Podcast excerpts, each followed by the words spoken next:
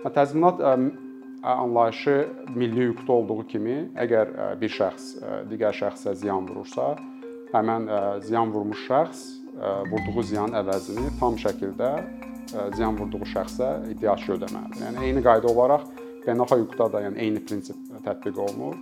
Yəni bir dövlət digər dövlətə beynəlxalq hüququ pozaraq ziyan vurursa, bunun nəticəsində vurduğu ziyanın əvəzini tam şəkildə ödəməlidir.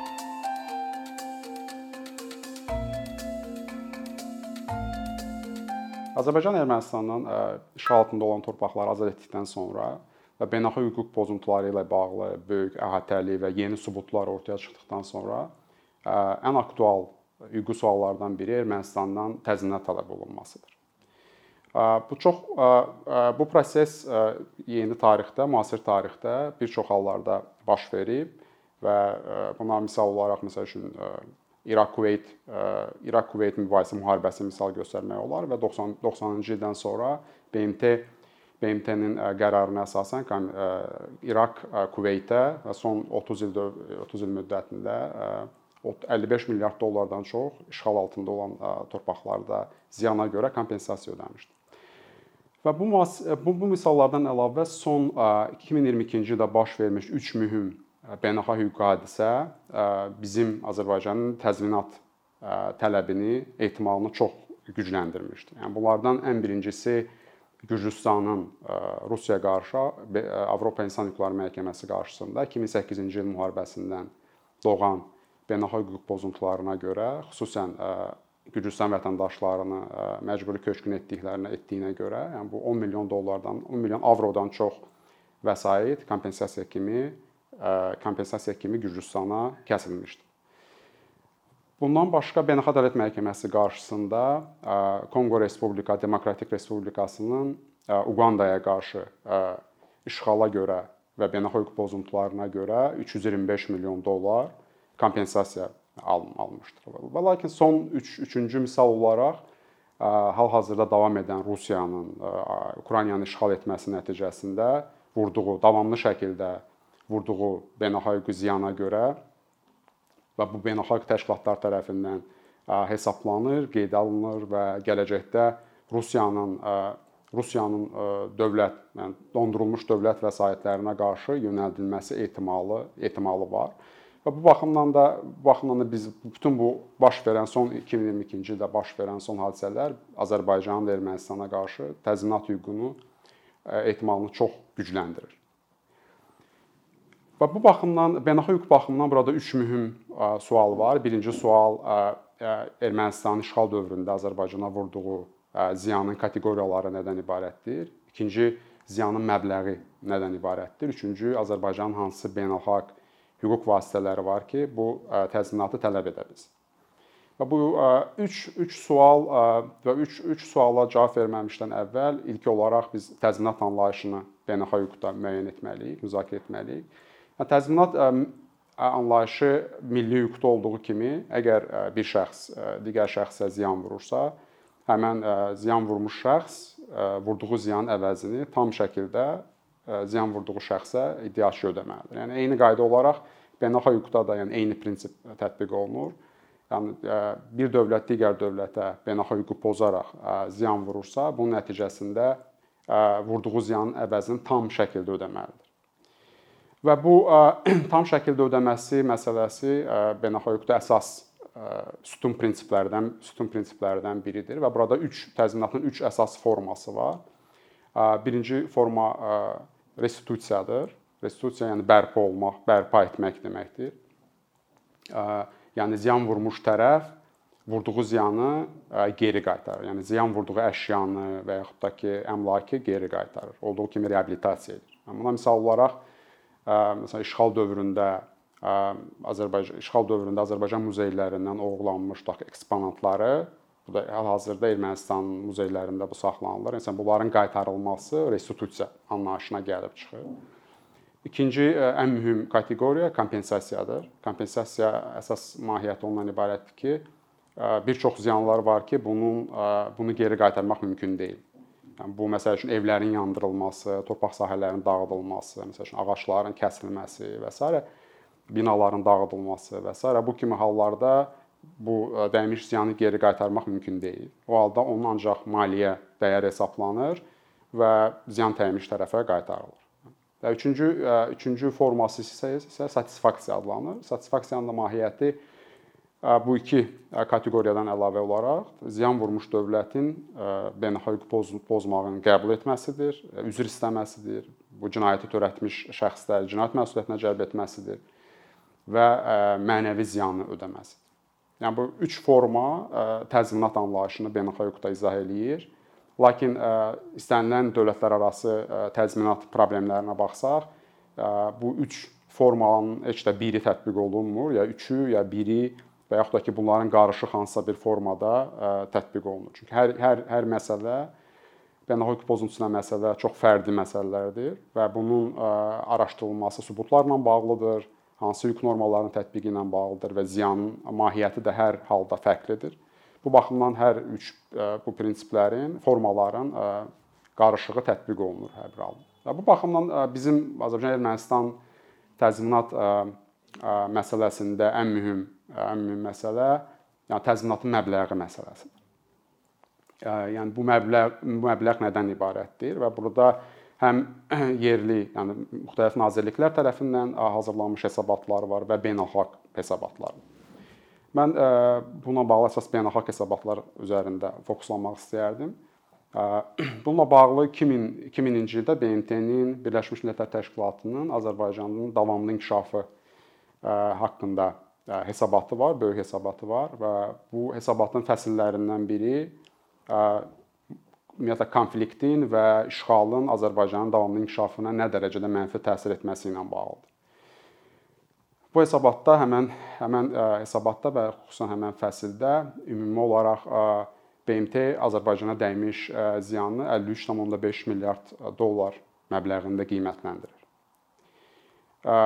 Bu ziyanın kateqoriyaları ilə bağlı bura aiddir qaçqın, məcburi köçkün düşmüş vətəndaşlarımızın sayı, yəni milyona yaxın vətəndaşın sayı, bunların əmlaklarının sayı, yəni burada 150 mindən çox özəl əmlak və torpaq sahələrindən söhbət gedir. Bura aiddir kənd təsərrüfatı torpaqlarının məhv olunması, bura aiddir dövlətin məcburi köçkünlərə görə çəkdiyi sosial müavinatlar və s. Yəni bu cür kateqoriyalarla BMT bunu hesablayaraq 53.5 milyard dollar ümumi ziyanı müəyyən etmiş, iqtisadi ziyanı müəyyən etmişdir.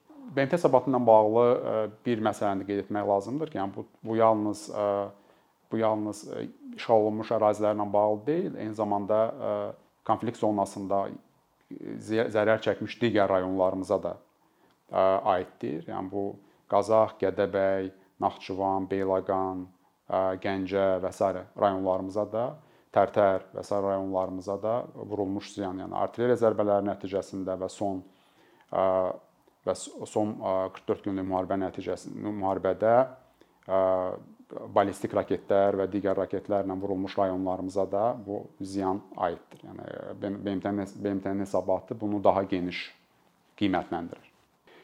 Burada bir məsələni bir məsələni vurğulamaq istəyirəm ki, yəni təəssüf ki 2000-ci ildə hesabatın çıxmasına baxmayaraq 2022-ci ilə qədər yəni bu fəslin yenilənməsi baş verməmişdir.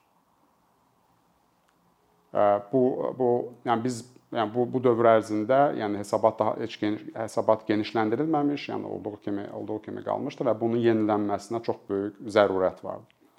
Və biz bunu yenilə, yenilədiyimiz halda biz görə bilərik ki, 22 il 22 il ərzində biz inflyasiyanı nəzərə alsaq, yalnız inflyasiyanı nəzərə alsaq, yəni burada bu təxminən 88 milyard dollardan çox dəymiş ziyanı biz hesablaya bilərik. Yəni bu çox çox çox vacib məsələdir.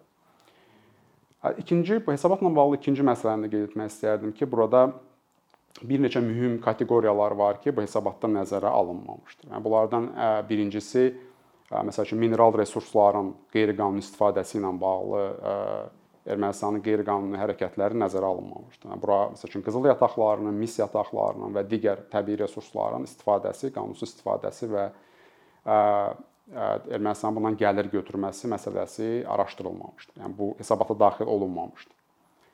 Bundan başqa bundan başqa mədəni irsə dəymiş ziyan nəzərə alınmamışdı. Bununla bağlı son dövrlərdə bizim nazirliklərin çox əhatəli hesabatları var, mədəni irsimizə dəymiş ziyanla bağlı və bu çox vacib bir məsələdir. Beynəlxalq hüquqda da çox vacib məsələdir. Və mən o hesabatları təkrarlamaq istəmirəm. Yəni 7 yəni işğal olunmuş ərazilərdə demək olar ki, Azərbaycanın mədəni irsi, yəni burada məscidlər, muzeylər, kitabxanalar, tarixi abidələr və s. bu demək olar hamısı hamısı məhv olunmuşdur və yaxud da ki, daşınmışdır Ermənistana və yaxud xaricdə satılmışdır. Yəni bunlar yəni bunların dəyərləndirilməsi də çox vacibdir və bu BMT-nin hesabatında baz hesabatında yoxdur. Bundan başqa bundan başqa ümumi makroiqtisadi ziyan işğal nəticəsində Azərbaycana dəymiş makroiqtisadi ziyan da o hesabatda daxil deyil və sonda mənəvi ziyan da hesabata daxil olunmamışdır. Və bu baxımdan bu biz hesab bu yeni kateqoriyaları da nəzərdən keçirsək və inflyasiya və digər iqtisadi faktorları da nəzərə alsaq, yəni Ermənistanın Azərbaycana vurduğu ziyanın məbləği, yəni 88 milyard dollardan kifayət qədər böyük bir məbləğ. Yəni bunun beynəlxalq təşkilatlar tərəfindən daha çox araşdırılmasına və qiymətləndirilməsinə ehtiyac. Çünki nazirliklər tərəfindən də qiymətləndirmə çox vacibdir başlanğıc üçün, lakin beynəlxalq məhkəmələr qarşısında ən böyük hüquqi əhəmiyyət daşıyan sübutlar beynəlxalq təşkilatların yazdıqları hesabatlardır. Və bu baxımdan bu BMT-nin hesabatının daha da genişləndirilməsinə, yenilənməsinə ehtiyac var. Və biz məbləğlərdən başqa, yəni əsas əsas beynəlxalq hüquqi sual, yəni hansı beynəlxalq vasitələr var ki, Azərbaycan ondan istifadə edib indiyə qədər və gələcəkdə istifadə edə bilər. Bu vasitələr əsasən 4 hüquqi beynəlxalq hüquqi vasitə mövcuddur. Yəni bunlardan ən ən mühümü danışıqlar və saziş vasitəsilə saziş vasitəsilə bu təzminatın ödənilməsinə hər iki tərəfin razılığı ilə geri qaytarılması mexanizmidir. Ya bu bu ən vacib olsa da, lakin bu praktikada çox vaxt mümkün deyil. Çünki zərər vurmuş dövlət belə bir danışıqlara getmək istəmir və belə bir saziş bağlamaq istəmir. Məsələn, bununla bağlı çox misal var. Məsələn, deyək mən istinad elədim Gürcüstan, Rusiya məsələsi ilə və Konqo, Uqanda məhkəmə işi ilə bağlı. Yəni burada ziyan vurmuş tərəflər Ermənistana daxil olmaqla, yəni o ziyanı qəbul etmək istəmirlər. Bu baxımdan danışıqlar çox problematik məsələdir.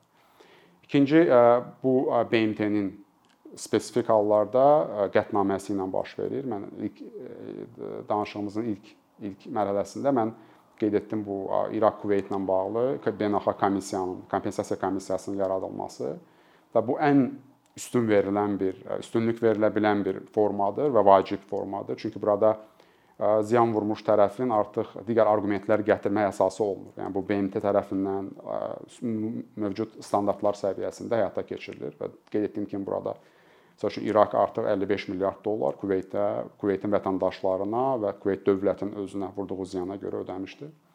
Üçüncüsü bu beynəlxalq məhkəmələrdir. Əsasən beynəlxalq ədalət məhkəməsidir ki, ziyan vurmuş tərəf beynəlxalq ədalət məhkəməsinə verə bilər cavabdeh tərəfi Lakin burada ən böyük problem milli hüquqdan fərqli olaraq beynəlxalq ədalət məhkəməsinin yurisdiksiyası, səlahiyyəti bu razılıq əsasında, hər iki tərəfin razılığı əsasında başlaya bilər. Məsəl üçün biz milli hüquqda bir şəxs digərinə ziyan vurarsa, onun razılığı olmadan biz ona qarşı məhkəmə işi qaldıra bilirik. Lakin beynəlxalq hüquqda bu belə deyil. Yəni hər iki tərəfin, yəni ziyan vurmuş tərəfin də, iddiaçının da, cavabdehin də hər, hər ikisinin razılığı tələb olunur ki, Beynəlxalq Ədalət Məhkəməsi bu işə baxa bilsin. Və bu da ən beynəlxalq hüququn ümumi təbiətindən irəli gəlir, daha çox horizontal olmasından, konsensus əsaslanmasından irəli gəlir. və bu ən problematikdir, çünki işğal işğal edən dövlət və ziyan vurmuş dövlət heç bir halda bu yurisdiksiyanı qəbul etməyə razılıq vermək istəmir və bunun nəticələri aydındır ki, hansı nəticələrə gətirib çıxarda bilər.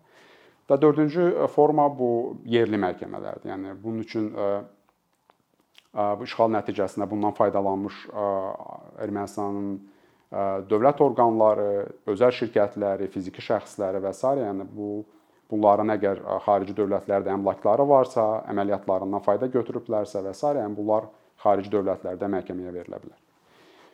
Və bu ən problematik və ən uzun çəkən və ən bahalı bir prosesdir, lakin bu da imkanlardan imkanlardan biridir. yəni bunları yəni xülasə olaraq demək istərdim ki, yəni bu gün mövcud statusu da qeyd etmək istərdim ki, hal-hazırda Azərbaycan Respublikası Ermənistana qarşı iki mühüm beynəlxalq iddia irəli sürmüşdür. Biri Beynəlxalq Ədalət Məhkəməsi qarşısında.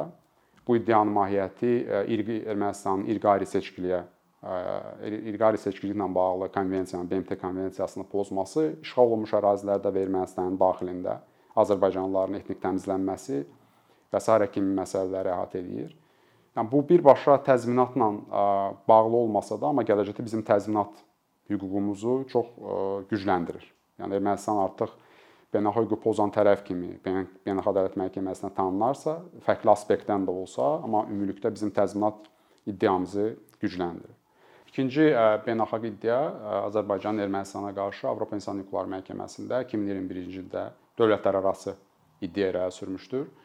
Bu iddianın mahiyyəti Ermənistanın işğal altında olan torpaqlarda Azərbaycan vətəndaşlarının Avropa İnsan Hüquqları Konvensiyasına görə müxtəlif hüquqlarının pozması ilə bağlıdır və ən mühümü birinci protokola əsasən əmlak hüquqlarının pozması ilə bağlıdır. və bu bir yəni biz söhbətimizin əvvəlində qeyd etdiyim kimi, yəni burada 1 milyona yaxın məcburi köçkünlərimiz var. Bunların 150 mindən çox əmlakları işğal olunmuş ərazilərdə qalıb vaxtilə və torpaq sahələri qalıb. Yəni burada həm əmlak hüquqlarının pozulması daha geniş mənada öz əksini tapıb. Belə ki, burada əmlakın dağıdılmasından əlavə olaraq həmin müddətdə onlar öz əmlaklarından istifadə edə bilməyiblər. Bu burada həm istifadə hüquqları pozulub, həm də oradan gəlir götürülməsi və gündəlik yaşayışın təmin olunması ilə bağlı hüquqları pozulub. Daha geniş geniş mənada. Və bu bu bizim danışdığımız bugünkü mövzunun təzminat mövzusunun, yəni əsas müəyyən hissəsini əhatə eləyir, tam əhatə etməsə də. Yəni təzminat anlayışı qeyd etdiyim kimi daha geniş anlayışdır. Yəni burada infrastruktur, milli irs, təbii resurslardan qeyri-qanuni istifadə və s. yəni daha geniş makroiqtisadi ziyan və s. daha geniş anlayışı əhatə edir. Lakin Avropa İnsan Hüquqları Məhkəməsi konvensiyasının səlahiyyətləri də məhduddur və bu ancaq əmlak hüquqları ilə bağlı hissəni bir hissəsini və daha əhəmiyyətli bir hissəsini əhatə edir. Bir məsələni bununla bağlı qeyd etmək də lazımdır ki, Avropa İnsan Hüquqları Məhkəməsinin ümumi əmlak hüquqlarının pozması ilə bağlı yanaşması Beynəlxalq Ədalət Məhkəməsindən daha məhduddur. Bununla bağlı iki bir iki mühüm məhkəmə işi Azərbaycanla bağlı 2015-2017-ci ildə Çırağov və başqaları Ermənistana qarşı olan məhkəmə işində 2017-ci ildə bu kompensasiya ilə bağlı Avropa İnsan Hüquqları Məhkəməsi qərar qərar verdi və bu qərarın bu qərar nəticəsində yəni ziyan çəkmiş şəxslərə 5000 avro hər bir 6 ailəyə 6 ailəyə 6 ailəyə hər birinə əmlak hüquqlarının və digər hüquqların pozulmasına görə 5000 avro məbləğində kompensasiya müəyyən olundu. Və ə, e, nəzərə alsaq ki, məsəl üçün 30 il müddətinə bu əmlak hüquqlarının pozulması baş vermişdir ə, e, və burada ə, e, yalnız əmlak hüquqları deyil, həm də istifadə və digər gəlir götürmək hüquqları məhdudlaşdırılmışdır, pozulmuşdur iddiaçıların. Lakin ə, müəyyən olunmuş kompensasiya 5000 avro. Ə, bu həm əmlak hüquqlarının pozulmasına, mənəvi ziyanın və digər hüquqların pozulmasına görə ümumi məbləğ olaraq müəyyən olunmuşdur. Və buradan da görünə bilər ki, yəni bu məbləğ proporsional, dəymiş ziyana proporsional deyildir. Yəni Avropa məhkəməsi bu baxımdan digər beynəlxalq ədalət məhkəməsindən fərqli olaraq kompensasiya məsələsində çox konservativ və çox məhdud məhdud yanaşır. Yəni bu əsas problemlərdən biridir. Lakin buna baxmayaraq ən ən minimal prinsipdə tətbiq olunsa, Azər həmin bu indi Avropa məhkəməsi qarşısındakı işdə Azərbaycan müvəffəqiyyət qazansa, yəni bu milyardlarla avronun Azərbaycana ödənilmə kompensasiya olaraq Azərbaycana ödənilməsi olacaq, nəticəsi olacaq və bu da ziyan çəkmiş məcburi köçkünlərin əmlaklarının əmlak onlara ödənilməsi vasitəsilə baş verəcək. Və bu baxımdan bütün bu hüquqi problemləri nəzərə alaraq, yəni hüquq biz müzakirə etdiyimiz kimi beynəlxalq hüququn ümumi mahiyyətindən irəli gələn problemləri və hüquq hüquqi mexanizmlərin özündə olan çatışmazlıqları, təbii çatışmazlıqları nəzərə alaraq ən son mexanizm, ən son mexanizm ümumiyyətlə sazişlərdə bunun əksini tapmasıdır. Yəni kompensasiya məsələsinin sazişlərdə əksini tapmasıdır. Bununla bağlı qeyd etdiyimiz, müzakirə etdiyimiz kimi BMT-nin Kuveyt və İraq məsələsində yaratdığı komissiyanın eyni analoji formasının da Azərbaycan-Ermənistan prosesində yaradılmasına ehtiyac var. Və bunun üçün mən düşünürəm ki, və belə də beynəlxalqşünas kimi tövsiyə edirəm ki, yəni gələcəkdə Ermənistanla imzalanacaq sülh sazişində hər iki dövlətin hər iki dövlətin belə bir razılığı olsun ki, onlar gələcəkdə BMT-nin bu məsələ ilə bağlı komissiyanın yaradılmasına razılıq versinlər və belə bir komissiyada belə bir komissiyada Azərbaycan bu bütün bu kompleks təzminat məsələlərini həll etmək üçün səlahiyyətli olsun. Və bu təzminat məsələlərin problemləri nəzərə alaraq mənim fikrimcə də ən ən uğurlu metod hüquqi vasitələrdən paralel olaraq, onları istisna etməyərək paralel olaraq bunun sazişdə əksini tapmasıdır. Və belə bir mexanizmin yaradılması İraq-Kuveyt məsələsindən də əlavə olaraq, məsəl üçün biz Türkiyə-Kipr modelinə də baxa bilərik. Yəni orada da analoji komissiya yaradılıb vaxtında və bu beynəlxalq mandatlı bir komissiyadır. Və bu komissiya milyonlarla zərər çəkmiş fiziki şəxslərin hər iki tərəfdən fiziki şəxslərin və dövlət əmlakına vurulmuş ziyanların hesablanması üçün səlahiyyəti var. Və bu çox vacib addım olardı. Çünki hüquqi vasitələrlə olsa bunu digər tərəfin də razılığı tələb olunur və burada sübutların sübutların sübutlarla bağlı çətinliklər olur və bu baxımdan sülh sazişində bunun əksini tapması bizim üçün çox çox vacib bir məqam olardı.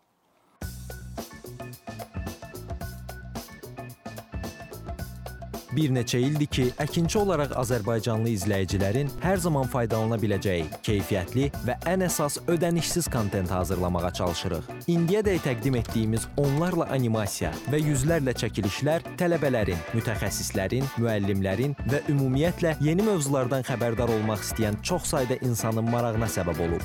Bu illər ərzində hazırladığımız videolar təhsil, texnologiya, ictimai fəallıq, iqtisadiyyat, gender bərabərliyi, ətraf mühit, ifadə ifadə azadlığı, hüquq, demokratik inkişaf, mədəniyyət və digər mövzuları əhatə edib. Məqsədimiz çoxlu baxış gətirən deyil, çoxlu fayda gətirən videolar hazırlamaqdır. Amma bu düşündüyümüz qədər asan deyilmiş. Gördüyümüz iş kifayət qədər resurs, əmək və təbii ki, davamlılıq tələb edir. Bu səbəbdən Patreon platformasından istifadəyə başladıq. Əkinçinin Patreon hesabının populyarlaşmasına çox böyük ümidlərimiz və gözləntilərimiz var. Bəziləriniz Patreon haqqında ilk dəfə eşidirsiniz. Əslində çox sadə izahı olan bir platformadır. Təsəvvür edin ki, siz rəssam və ya musiqiçisiz. Sosial şəbəkələrdə sizi izləyən, işinizi bəyənən çox sayda insan var. Patreon platforması sizə imkan verir ki, izləyicilərinizin könüllü aylıq ödənişləri sayəsində işinizi davam etdirəsiniz. Sərgi, konsert zallarından asılı qalmayasınız. Amma bu təkcə rəssam və musiqiçilərə aid deyil. Məsələn, əkinçiyə bənzər fəaliyyətlə məşğul olan bəzi layihələrin 10 minlərlə patronu var. Biz də düşündük ki, nə üçün əkinçinin Patreon hesabı olmasın? Sizin dəstəyiniz sayəsində biz daha çox və daha keyfiyyətli kontent yaratmağa davam edə biləcəyik. Amma bu dəstək yalnız maddi dəstək deyil. Dəstəkçilərimizin sayının artması gördüyümüz işlərin faydalı olduğuna dair əminlik verir. Patreon platformasından istifadə çox sadədir. Hesabınızı açırsınız, sizə uyğun dəstək növünü seçirsiniz və Patreon özü hər ayın ilk günü kartınızdan seçdiyiniz dəstək növünə uyğun ödəniş tutur. Bu qədər. Sonda onu demək istəyirik ki, dəstəkçilərin sırasına qoşulmaq istəyən, amma məhdud imkana görə bunu edə bilməyənlər narahat olmasın. Daha öncə dediyimiz kimi, bizim əsas məqsədimiz daha çox insanın hər zaman faydalana biləcəyi keyfiyyətli və ödənişsiz kontentin yaradılmasıdır. Bunun üçün mütləq patronumuz olmalısınız deyə məcburiyyət yoxdur. Amma imkanınız patron olmağa çatırsa və bizim işimizi bəyənirsinizsə, patronlarımızın sırasına qoşulmağınız bizim üçün çox önəmlidir.